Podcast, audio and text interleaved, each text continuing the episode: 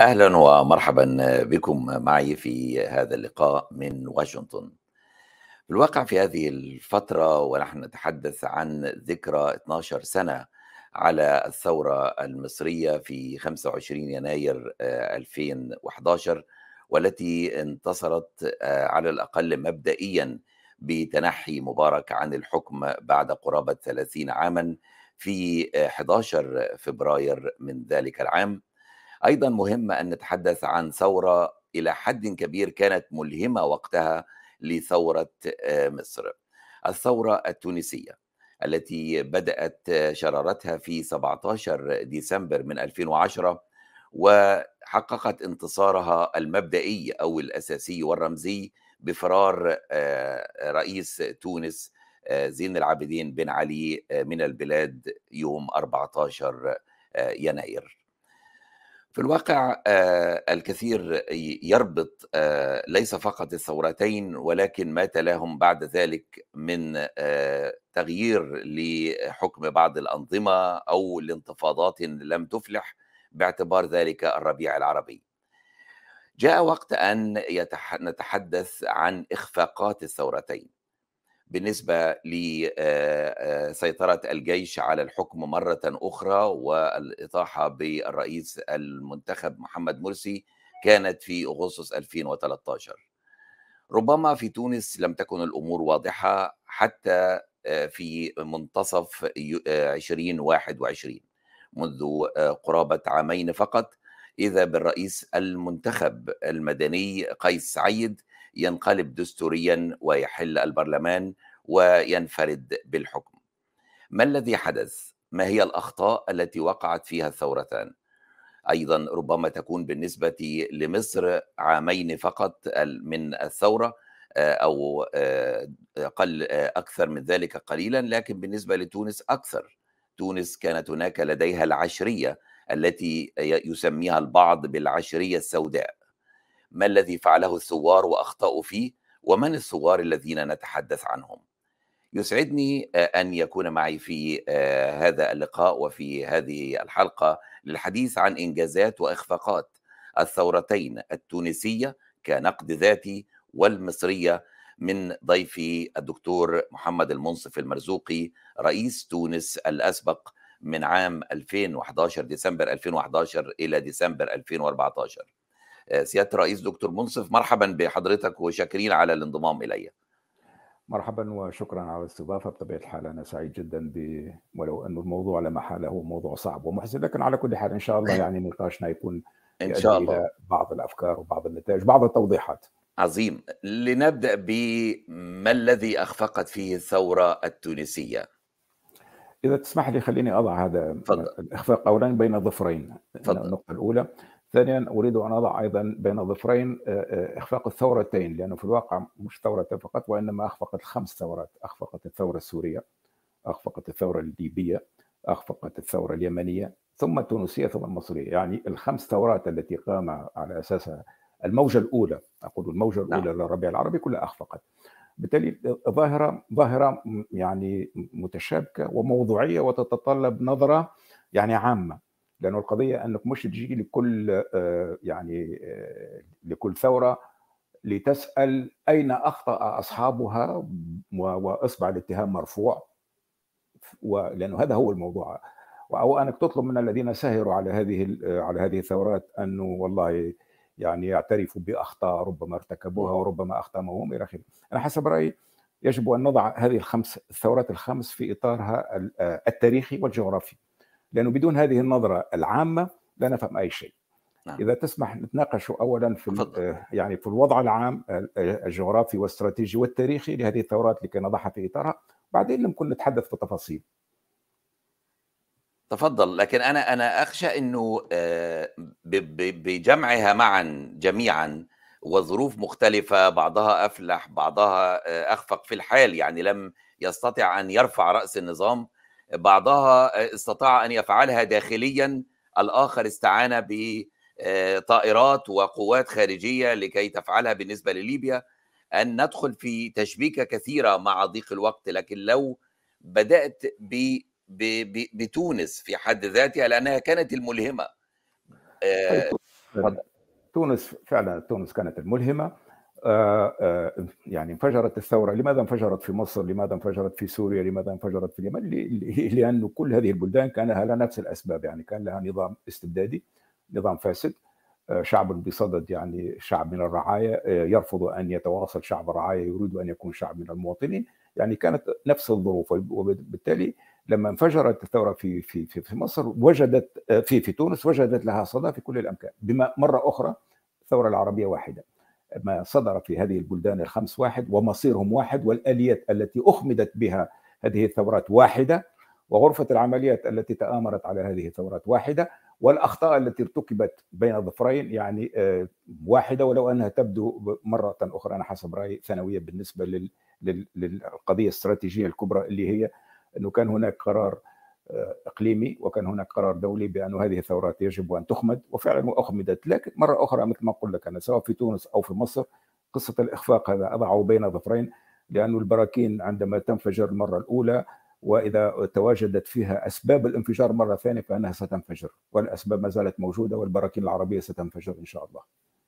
على جانب الثوار أنفسهم الجوانب العوامل الداخلية اولا يعني لا شك وأنا أتابع كتابات حضرتك في آه، غرفة العمليات محور الشر الإماراتي السعودي آه، غيرها لكن لو بدأت بالذين قاموا بالثورة أنفسهم.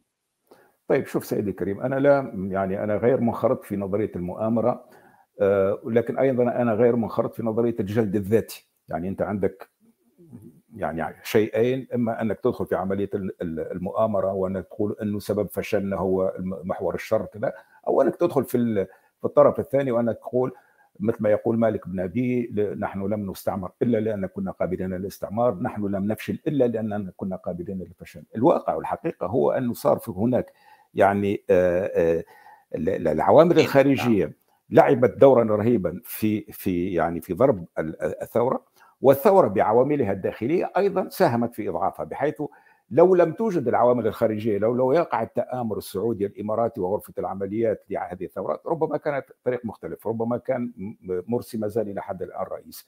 أيضا لو كان مرسي ومن معه كانوا أقوياء جدا إلى آخره ربما لم ما كانت غرفة العمليات تستطيع أن تفعل شيء. لكن تمازج العنصرين هو الذي أدى إلى الإخفاق. وبالتالي عندما نقوم بالتقييم لكي نكون موضوعيين فلا بد أن ننظر إلى إلى إلى يعني إلى آه، الجهتين لأنه هذه العملة بوجهتين. يعني أنت إذا ركزت على العوامل الداخلية ونسيت العوامل الخارجية تكون أخطأت. وإذا كان ركزت على الأخطاء الخارجية على التدخل الخارجي وتنسيت الأخطاء الداخلية أيضا أخطأت. اذا خلينا يعني نضع العملية في إطارها العام مرة أخرى اللي هذه قضية لم تكن قضية محلية. وهذا الخطأ الكبير اللي ارتكبته أنا أنا شخصيا في تحليلي على الثورة التونسية كنت أظن أنها إحنا بلد صغير بلد ليس لنا بترول بلد بعيد عن عن ساحة الحرب في الشرق الأوسط إلى آخره وبالتالي من سيهتم بنا من وبالتالي إحنا وهذا كان خطأ. يعني منذ البداية يعني تحطت أعين العالم علينا. مش اعطيك فكرة مثلا كلمة بسيطة. أنا كنت أدرس في هارفارد هذه الأربعة أشهر كانوا عندي طلبة من الصينيين. حكوا لي قالوا إن الثورة التونسية في في في, في 2012 الصين منعت كلمة استعمال كلمة الياسمين خوفا من فكرة الياسمين. أيضا بوتين يعني لم بوتين شنو اللي دخل جعله يتدخل في في في في يعني في أوكرانيا في 2014 ثم في سوريا كيف رهيبه في الأمن 15 هو الثوره والثوره اندلعت من تونس. اذا إحنا لم ننتبه أنا شخصيا لم أنتبه أنه هذه الثورة التي كنت أظنها محلية في الواقع عندها ارتدادات جهوية وعالمية التي ستجعل منها قضية جهوية وعالمية. وفعلا هذا اللي وقع يعني إحنا يعني ذهبنا ضحيه أنه هذه الثورة التي كنا مرة أخرى أظنها محلية كانت لها تبعات والجوار الاستراتيجي الإقليمي والدولي لم يكن قادر يسمح مثلا أنه مصر تصير دولة ديمقراطية. مصر دولة ديمقراطية معناها أنه نهاية التطبيع لأنه الشعب المصري يرفض التطبيع معناها الخروج من من كامب ديفيد إلى آخره. وهذا كان غير مقبول. بالتالي مرة أخرى تونس يجب أن نفهم هذه نعم. الصبغة وإلا لا نعم. نفهم تونس الديمقراطية من يتضايق من تونس الديمقراطية؟ تونس صغيرة بعيدة عن الخليج آه بعيدة عن إسرائيل. من الذي تضايق؟ تركت عشر سنوات حتى تم الانقلاب عليها الدستوري.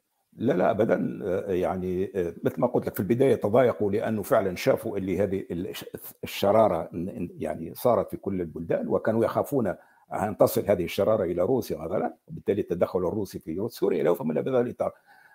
تقول لي أنهم تركوا الديمقراطيه لا ابدا. هم يعني في 2012 في 2011 في 2013 بعد ما تخلصوا من الرئيس محمد مرسي أنا كنت على ثقة أنهم سيتخلصون مني. كيف؟ وصار اتفاق من وراء ظهري ما بين حركة النهضة التي أرعبها مصير الإخوان المسلمين جابوها للصف. رجل غنوشي يعني بعظم لسانه طالب بالتصويت ضدي أنا ممثل الثورة لصالح ممثل الثورة المضادة اللي هو رج اللي هو كذا عمل معه صفقة. وبهذه الصفقة صارت يعني يمكن القول انها ديمقراطية تحت تحت تحت يعني تحت السيطرة مش ديمقراطية اللي فيها رئيس الجمهورية التونسي يستقبل نعم. الإرهابيين بين ظفرين نعم. أنا استقبلت كذا وهذا هو شيء يعني لكن اسمح لي نعم. تم التصفيه تمت نعم. التصفية نهائيا يعني بدأوا مع الباشا قايس السبسي بقي هذا الدستور الذي أرهقهم الآن أصفوه والآن يعتبرون أن الثورة صفيت نهائيا في تونس. لكن فقط المقارنة ربما ليس تكون يعني مختلفة مهم فيها إنه في حالة حضرتك كان تغييرك انتخابات. انتخابات وصندوق في ديسمبر 2014 وأنت لم تفز فيها. بغض النظر من تحالف مع من مع من أخطأ وكان الثور الأبيض وجاء دوره فيما بعد. لكن في حالة محمد مرسي الرئيس مرسي هذا ليس انتخاب. يعني هو رفض أن أن أن يدخل في انتخاب أو استفتاء شعبي. لكن هذا تغيير بالقوات المسلحة. لا شوف فيما يخص تونس أنا فقدت الانتخابات آه وكنت عارف إنه آه يعني إنه دائما وابدا وهذه معروفة إنه آه لما رئيس يجي في في مرحلة ثورية الانتظارات ضخمة ومن السهل جدا أنك تلعب على عواطف الناس وأنه لم يتحقق أي شيء إلى آخره، لكن رغم كل شيء يعني أنا كان فرق ما بيني وما بين هذا الشخص يعني بضعة مئات من الالاف من الأصوات يعني. هو أخذ جاب مليون و800 وأنا جبت مليون و400 صوت. لكن هل 400 ألف صوت هذه اللي اللي ضاعت؟ اولا ما عندكش فكرة على الإعلام كيف يعني تنمر ضدي بكيفية رهيبة والإعلام كان في في يد الثورة المضادة منذ البداية إلى النهاية. ثم قلت لك أنه ضربة مصر أرعبت التيار الإسلامي عندنا في تونس وجعلته أمام أمام خيار يعني رهيب. يا إما أنكم تصطفوا مع الثورة المضادة وتدعوا إلى انتخاب الثوره المضادة وإلا فإنه يمكن تصفيتكم يعني. وبالتالي يعني صارت فيه ضغط خارجي وضغط مالي الذي تسبب في خسارتي كذا الآن في قضية مصر أنا آسف أنا آسف يعني وخالفك أنا تحدثت مع الرئيس مرسي أكثر من مرة قابلته في العديد من المرات قبل قبل قبل أن يستشهد قبل حتى قبل أن يغتال.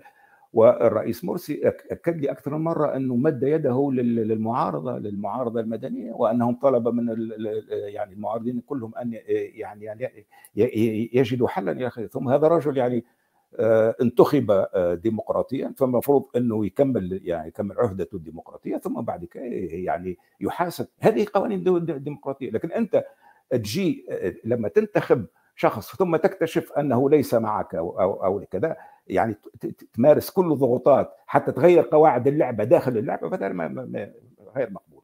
طيب دكتور مصطفى وحضرتك وأنت في الرئاسة في مقعد الرئاسة حين تم انتخاب الرئيس عبد الفتاح السيسي أو الجنرال عبد الفتاح السيسي ليصبح الرئيس أرسلت وزير خارجيتك لحضور حفل تنصيبه أين هذا الموقف من انقلابات عسكرية؟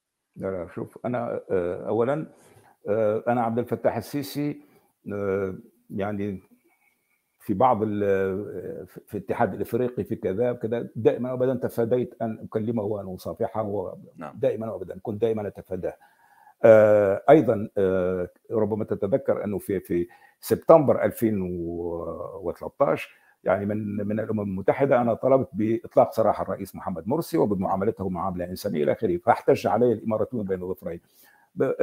لكن تقاليد ال يعني التقاليد الدبلوماسية الأعراف الدبلوماسية. الأعراف الدبلوماسية لكن لم يكن لها أي أي صفة. يعني كل وزراء كل وزراء خارجية العالم ذهبوا لحضور تنصيب الرئيس السيسي؟ أنا لم أتواصل مع الرئيس السيسي ولم أكلمه في أي كذا وأنا أعتبره إلى اليوم يعني أعتبره مسؤول عن دم محمد مرسي وأعتبره مسؤول عن دماء الناس اللي ماتت في في في يعني في رابعة وعن ال ألف قتيل 60 ألف سجين وعلى هؤلاء المساجين الذي يشنقهم طول الوقت.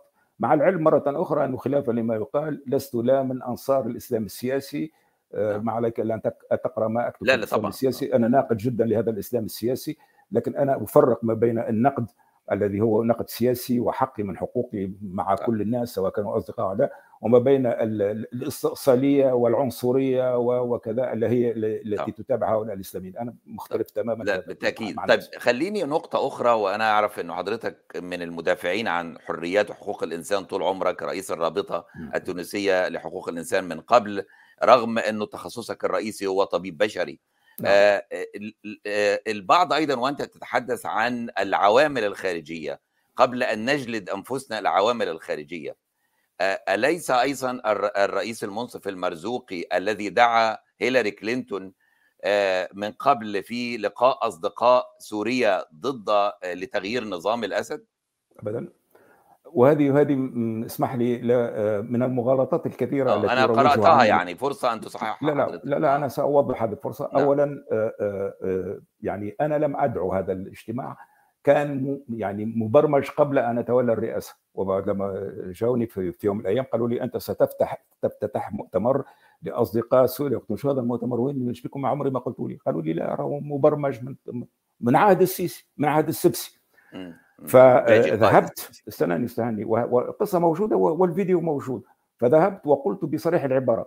إنه أكبر خطر اليوم على الشعب السوري هو اولا تسليح المعارضة لا تسلح المعارضة وهو التدخل في الشأن السوري لأنه هذا سيفتح الباب على جهنم على الشعب السوري. وبالتالي أنا أطالب بكذا وكذا. ورب العزة إنه شفت إنه هيلاري كلينتون يعني امتعضت ووزير السعودي آنذاك فيصل السعود خرج من القاعة. واضح أنه كان غاضبا من كلامي.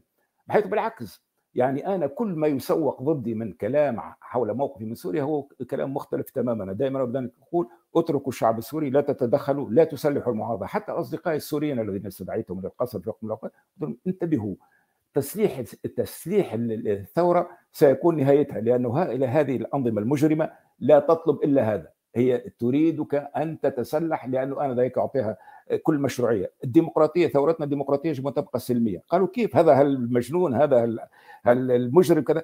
قلت لهم ولا يهم. في آخر المطاف المعركة السياسية السلمية هي التي ستطيح به. وللأسف الشديد لم يسمعني أحد. لكن مع نعم. هذا نعم. في يعني مراجعة الأكاذيب التي تسوق على أنني نعم. يعني كنت نعم. مع أعداء طيب في, في مراجعة الذات وتصحيح المفاهيم ربما الخاطئة يعني الرئيس المنصف المرزوقي بيتحدث دائما عن محور الشر الإمارات والسعودية بالنسبة لإيجاد أو الثورة المضادة. ماذا عن محور الخير قطر وتركيا؟ أليس هذا أيضا تدخل خارجي سواء لدعم الربيع العربي أو لدحضه؟ ومتى كانت قطر دولة ديمقراطية حتى تنشر ديمقراطيتها في المنطقة؟ يا سيدي الكريم أنت لما لما تكون يعني محاصر مهاجم مع من أطراف يعني شو دخل الإمارات في تونس؟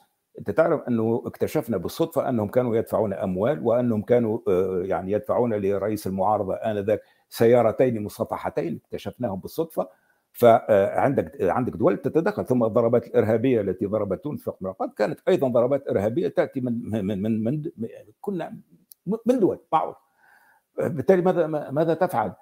لابد أن يكون لك حلفاء أن يكون أصدقاء. في قضية تركيا مثلا أنا أعطيك فكرة في قضية تركيا. أنا يعني الجيشنا كان عديم السلاح تقريبا. فيش سلاح لأنه بن علي كان يخاف من الجيش كان يسلح الأمن أكثر ما يسلح الجيش. فاولادنا كانوا يذهبون إلى الغابات ثم يأتون رجلهم مقطوعة إلى آخره ما كانوا ما كانوش عندنا أدنى الأسلحة البسيطة. فكلمت الأتراك من تريد أن أكلم؟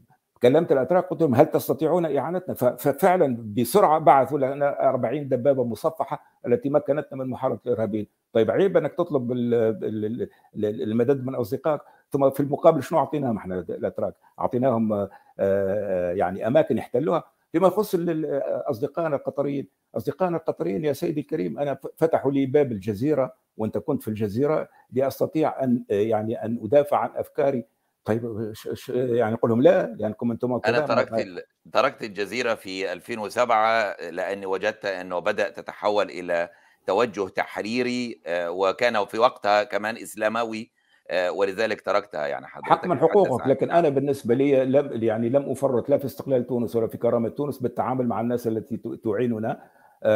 لو كانت دولة أخرى تريد أن تعيننا كنت بطبيعة الحال كنت سأقبل هذا لكن في الوقت في ذلك الوقت لم نكن نجد من هؤلاء الأصدقاء إلا تركيا وقطر. مصالحهم كانت تقتضي ذلك okay لكن أنا أنا ذاك ما الذي تريد أن أنا افعل؟ أقول للاتراك لا لا لا أنا لن أقبل منكم هذه الدبابات لأنني سأخذها من من وين؟ من فرنسا من اي ولا ولا لكن دولة لكن من حق الناس أن ينتقدوا ولا تقول لهم أرفضوا التطاول على قطر يأخذون عليك هذه العبارة. وكأن قدس الأقداس يجب ألا نتحدث عن قطر لكن عادي نتحدث عن الإمارات والسعودية. لماذا لا ننتقد أي تدخل خارجي؟ قلت قلت قلت لا تتطاول على قطر لأنه ما عندكش فكرة. الكلام الذي كانت تقوله المعارضة التونسية يعني كان سب وشتم بكيفية مقززة بكيفية مخزية يعني لم يكن نقدا لا كان سب وشتم طول الوقت. ولذلك كنت أقول خلاص يعني لا تتطاولوا على هؤلاء الناس هؤلاء الناس. أنا بعطيك فكرة. أنا في يعني النائب العام القطري اللي هو يعني علي بن فطيس جاب لي المرة الوحيدة اللي قدرنا نسترجعوا فيها حد الأدنى من الأموال المسروقة أموالنا الفاسدة 27 مليون دولار من هو هو اللي جابها وفي تلك الفترة قلت كيف أنتم هذو الناس يعني يعينونا وجابوا لنا كذا وأنتم تتطاولوا عليه وتسبوهم يعني مش معقول. مرة أخرى أنا أتحدث من موقع الدفاع عن النفس. إحنا كنا في موقع يعني محاصرين بالإعلام الفاسد اللي جاي من الإمارات وبالمال الفاسد وبالضغوطات وكذا وكذا كنا بطبيعة الحال أي إنسان يعيننا دون دون أي خدمة يعني شو شو الخدمة اللي كنا نقدموها للقطريين والأتراك؟ يعني شو؟ كان عندنا بترول إحنا في تونس حتى نبيعوه للأتراك ولا للقطريين ما كانش عندنا لا بترول ولا شيء. اذا يعني لا, لا نسوي بين من الصديق الذي يعينك وبين العدو الذي يريد أن يستأثر بك ليقتلك. وفي تحرك ثورات قادمة في أو أو موجة أخرى في تونس ومصر والمنطقة هل أيضا سنقبل الدعم القطري والدعم والطرف الآخر نقبل عليه أن يقبل الدعم الإماراتي والسعودي؟ يا سيدي الكريم أنا دائما وابدا نقول إنه الثورات اولا نحب اذكرك انه الثورة التونسية عندما فجرت لم تكن لا بأمر قطري ولا أمر فرنسي ولا كذا فجرت بالتأكيد. أنا نقول لك إنه الثلاث سنوات اللي كنت فيها أنا رئيس كانت الدولة التونسية دولة مستقلة لا تأخذ أوامرها من أي دولة ولا ولا حتى من أي دولة صديقة. كل ما أتمناه هو إنه يعني الموجات الثانية التي ستأتي بال يعني بالكذا تعول على أنفسها تعول على أنفسها. مثلا أنا أعطيك فكرة كديمقراطي يعني كنت أنتظر أن الدول الديمقراطية الغربية ستعيننا لم تفعل لم تفعل أي شيء أشياء بسيطة وبعيد بعيد. اللي قال شنو قال لأنه ربما هذه الديمقراطية اللي تجيب الإسلاميين للحكم فهي مشكوك فيها إلى آخره. بالتالي أنا أقول اليوم أيضا أنت تشوف مثلا تركيا اليوم غيرت موقفها تماما. اليوم تركيا يعني هي تركت كل ما له علاقة بدعم الربيع العربي والآن هي يعني وكذلك وكذلك قطر والجزيرة لا تتحدث عن خاشقجي في السعودية لا تتحدث عن شيء في مصر غير بالضبط. ذلك يعني. بالضبط. وبالتالي أنا أقول إنه إحنا كل من يصادقنا إحنا نقبل صداقتهم بارك الله فيهم لكن في آخر المطاف ما حق جلدك الا مثل مثل ظفرك يعني لابد الإنسان يعول على نفسه فقط. نعم. هل ترى حضرتك بأنه يجب ألا يكرر التونسيون الخطأ بالنسبة ل 30 يونيو 2013 بالنسبة لقطاع من اليسار والعلمانيين والليبراليين المصريين ضد الرئيس مرسي ولم يتركوه يكمل فترته. هذه المرة قيس سعيد الرئيس قيس سعيد منتخب 2019 أمامه لغاية 2024 خمس سنواته ويفترض كمان بالدستور التونسي وأرجو أن تصحح لي هي فترة واحدة ولا يمكن له أن يجددها. هل ننتظر عليه حتى 2024 أم تخشى من انقلاب عسكري بحجة أن البلد في هناك مشكلة؟ وهذا غير مو... مو... التاريخ التونسي لم يشهد انقلابات عسكرية من قبل. شوف اولا في قضيه أنا هذا الرجل بالنسبة لي غير شرعي. آه، لمعلوماتك أنا انتخبته. في الدور الثاني يعني آه، والناس كلها تعرف هذا لا أنا انتخبته. لم أقل فيه أي كلمة نقد إلى يوم 25 جويليا 2021 عندما يعني تخلى عن الدستور كذب على الشعب قال لهم أنا بالنسبة لي لا لا لا أنا متمسك بالدستور وفصل 80 إلى آخره بينما كان هو انقلاب على الدستور. ثم وضح نيته عندما ألغى الدستور الذي أتى به إلى السلطة. ثم حل كل المؤسسات التي جاءت بها الديمقراطية ثورة ديمقراطية آه، استقلال القضاء استقلال الإعلام استقلال يعني الحرب ضد الفساد كل هذه المؤسسات آه، جمدها استولى على كل الحكم وبالتالي أنا أعتبره رئيس غير شرعي. رئيس غير شرعي ومنذ البداية يوم 25 جويليا مباشرة قلت للشعب التونسي هذا رئيس غير شرعي وفقد كل شرعيته وبالتالي أنا قلت للجيش أنه هذا بما أنه هذا الرئيس غير شرعي أنتم في حل من من طاعته. أنا كنت القائد الأعلى للقوات المسلحة وبقيت ذلك إلى آخر لحظة لأنني كنت متمسكا بالقانون وبالدستور. ولكن آه، هذا ابتداء من اللحظة الذي خرق فيه هو الدستور الذي جاء بموجبه فإنه لم يعد شرعيا. وبالتالي فعلا أنا طلبت كل المؤسسات التونسية المؤسسة العسكرية المؤسسة الأمنية المؤسسة القضائية المؤسسة الإعلامية كل المؤسسات بأن تتضافر جهودها لإغلاق هذا القوس. هذا الرئيس غير شرعي. لا يستطيع أن يكمل آه، مدته يجب أن يرحل ويجب أن يحاكم. يعني لأنه إحنا آه، العرب آه، هذه الانقلابات سواء تجيب بالدبابات من خارج السلطة أو انقلاب من داخل السلطة لأنه الانقلاب مش بالضروري أنه تجيب الدبابات من خارج السلطة. هتلر انقلب على الحكم نفس الشيء جاء بصفه ديمقراطيه ثم انقلب على الديمقراطية ودمر حضرتك بتؤيد أي انقلاب بتؤيد الاطاحه بانقلاب عسكري. لرئيس منتخب هذا ما حدث مع الرئيس محمد مرسي. أنت لا تؤيده لا. في تونس الآن. لا لا لا. الرئيس منتخ... الرئيس محمد مرسي لم ينقلب على الدستور. الرئيس محمد مرسي لم يرتكب أي جريمة. يعني هو الخلاف بس على هذا وليس على انقلاب عسكري. يعني أنت ليس ضد التدخل العسكري الجيش في تونس. أنا ض... شوف الفرق الأساسي ما بين هذا الشخص ومحمد مرسي محمد مرسي لم ينقلب على الدستور. المح... لم يضع الناس في السجن. لم يحل الجمعيات لم لم لم لم لم لم بقي متمسكا بالعقد الديمقراطي. وبالتالي الانقلاب الذي وقع عليه كان انقلاب وكان مرفوض. هذا الرجل هو الذي انقلب على الدستور هو الذي انقلب على المؤسسات هو الذي خان الثقة التي وضعه في الشعب التونسي. الصورة مختلفة تماما. وبالتالي لابد لكل المؤسسات الدولة أن ترفض آه، إطاعته وأن تخلعه. يعني شو هذا هذا ما أطالب به. الجيش منهم العسكريون يدخلون القصر الرئاسة ويرفعوا رئيس مدني. طبعا أنا قلت أنه لا سبيل إلى انه باش يجينا البلاغه هم يأخذوا هذا الشخص يأخذوه للسجن ثم يأتوا يسمحوا للبرلمان اللي هو المؤسسة الشرعية الوحيدة تجتمع ولو مرة واحدة حتى يعني تقرر من هو الرئيس المقبل. وثم إمكانية أنه تكون ما يكونش رئيس المجلس الحالي ثم يدعى الشعب في في 90 يوم لانتخابات حرة ونزيهه هذا هو الحل. ما هو ما عنده حتى علاقة بانقلاب عسكري الذي يجي فيها جنرال أو كولونيل يبقى 30 سنة.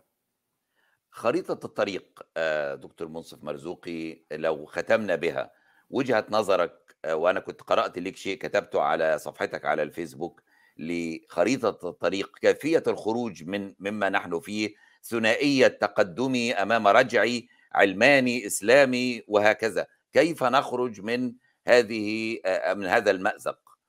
المأزق هو اليوم عندنا في تونس تجربة ديمقراطية كانت رائدة وقع إجهاضها بعوامل خارجية وبداخلية أفشلت الثورة لكن الثورة المضادة فشلت. أنت اليوم الوضع في هو يعني وعسى تكرهوا شيئا وهو خير لكم. يعني في اخر المطاف البديل للديمقراطية البرلمانية بكل عيوبها وبكل كذا كذا شو هي؟ هو الشعبويه في تونس وهي الاستبداد العسكري في مصر، الاثنين فشلوا فشلا ذريعا، اذا ما عندناش خيار آخر غير العودة للديمقراطية.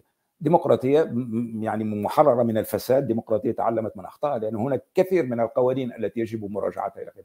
الآن كيف نعود هذا؟ أنا بالنسبة لي القضية واضحة، يعني إما أنه يعني سنترك الأمور هكذا وستصير انفجارات غير مؤطرة أو إنه كل القوى يعني الموجودة حاليا وهي موجودة فعلا أنها تقول خلاص هذا الرجل هذا يجب أن يرحل يجب أن نعود إلى الشعب في في أقرب وقت في 90 يوم، الشعب نتصور أنه تعلم الكثير من أخطائه ومن الشعبوية ومن كذا.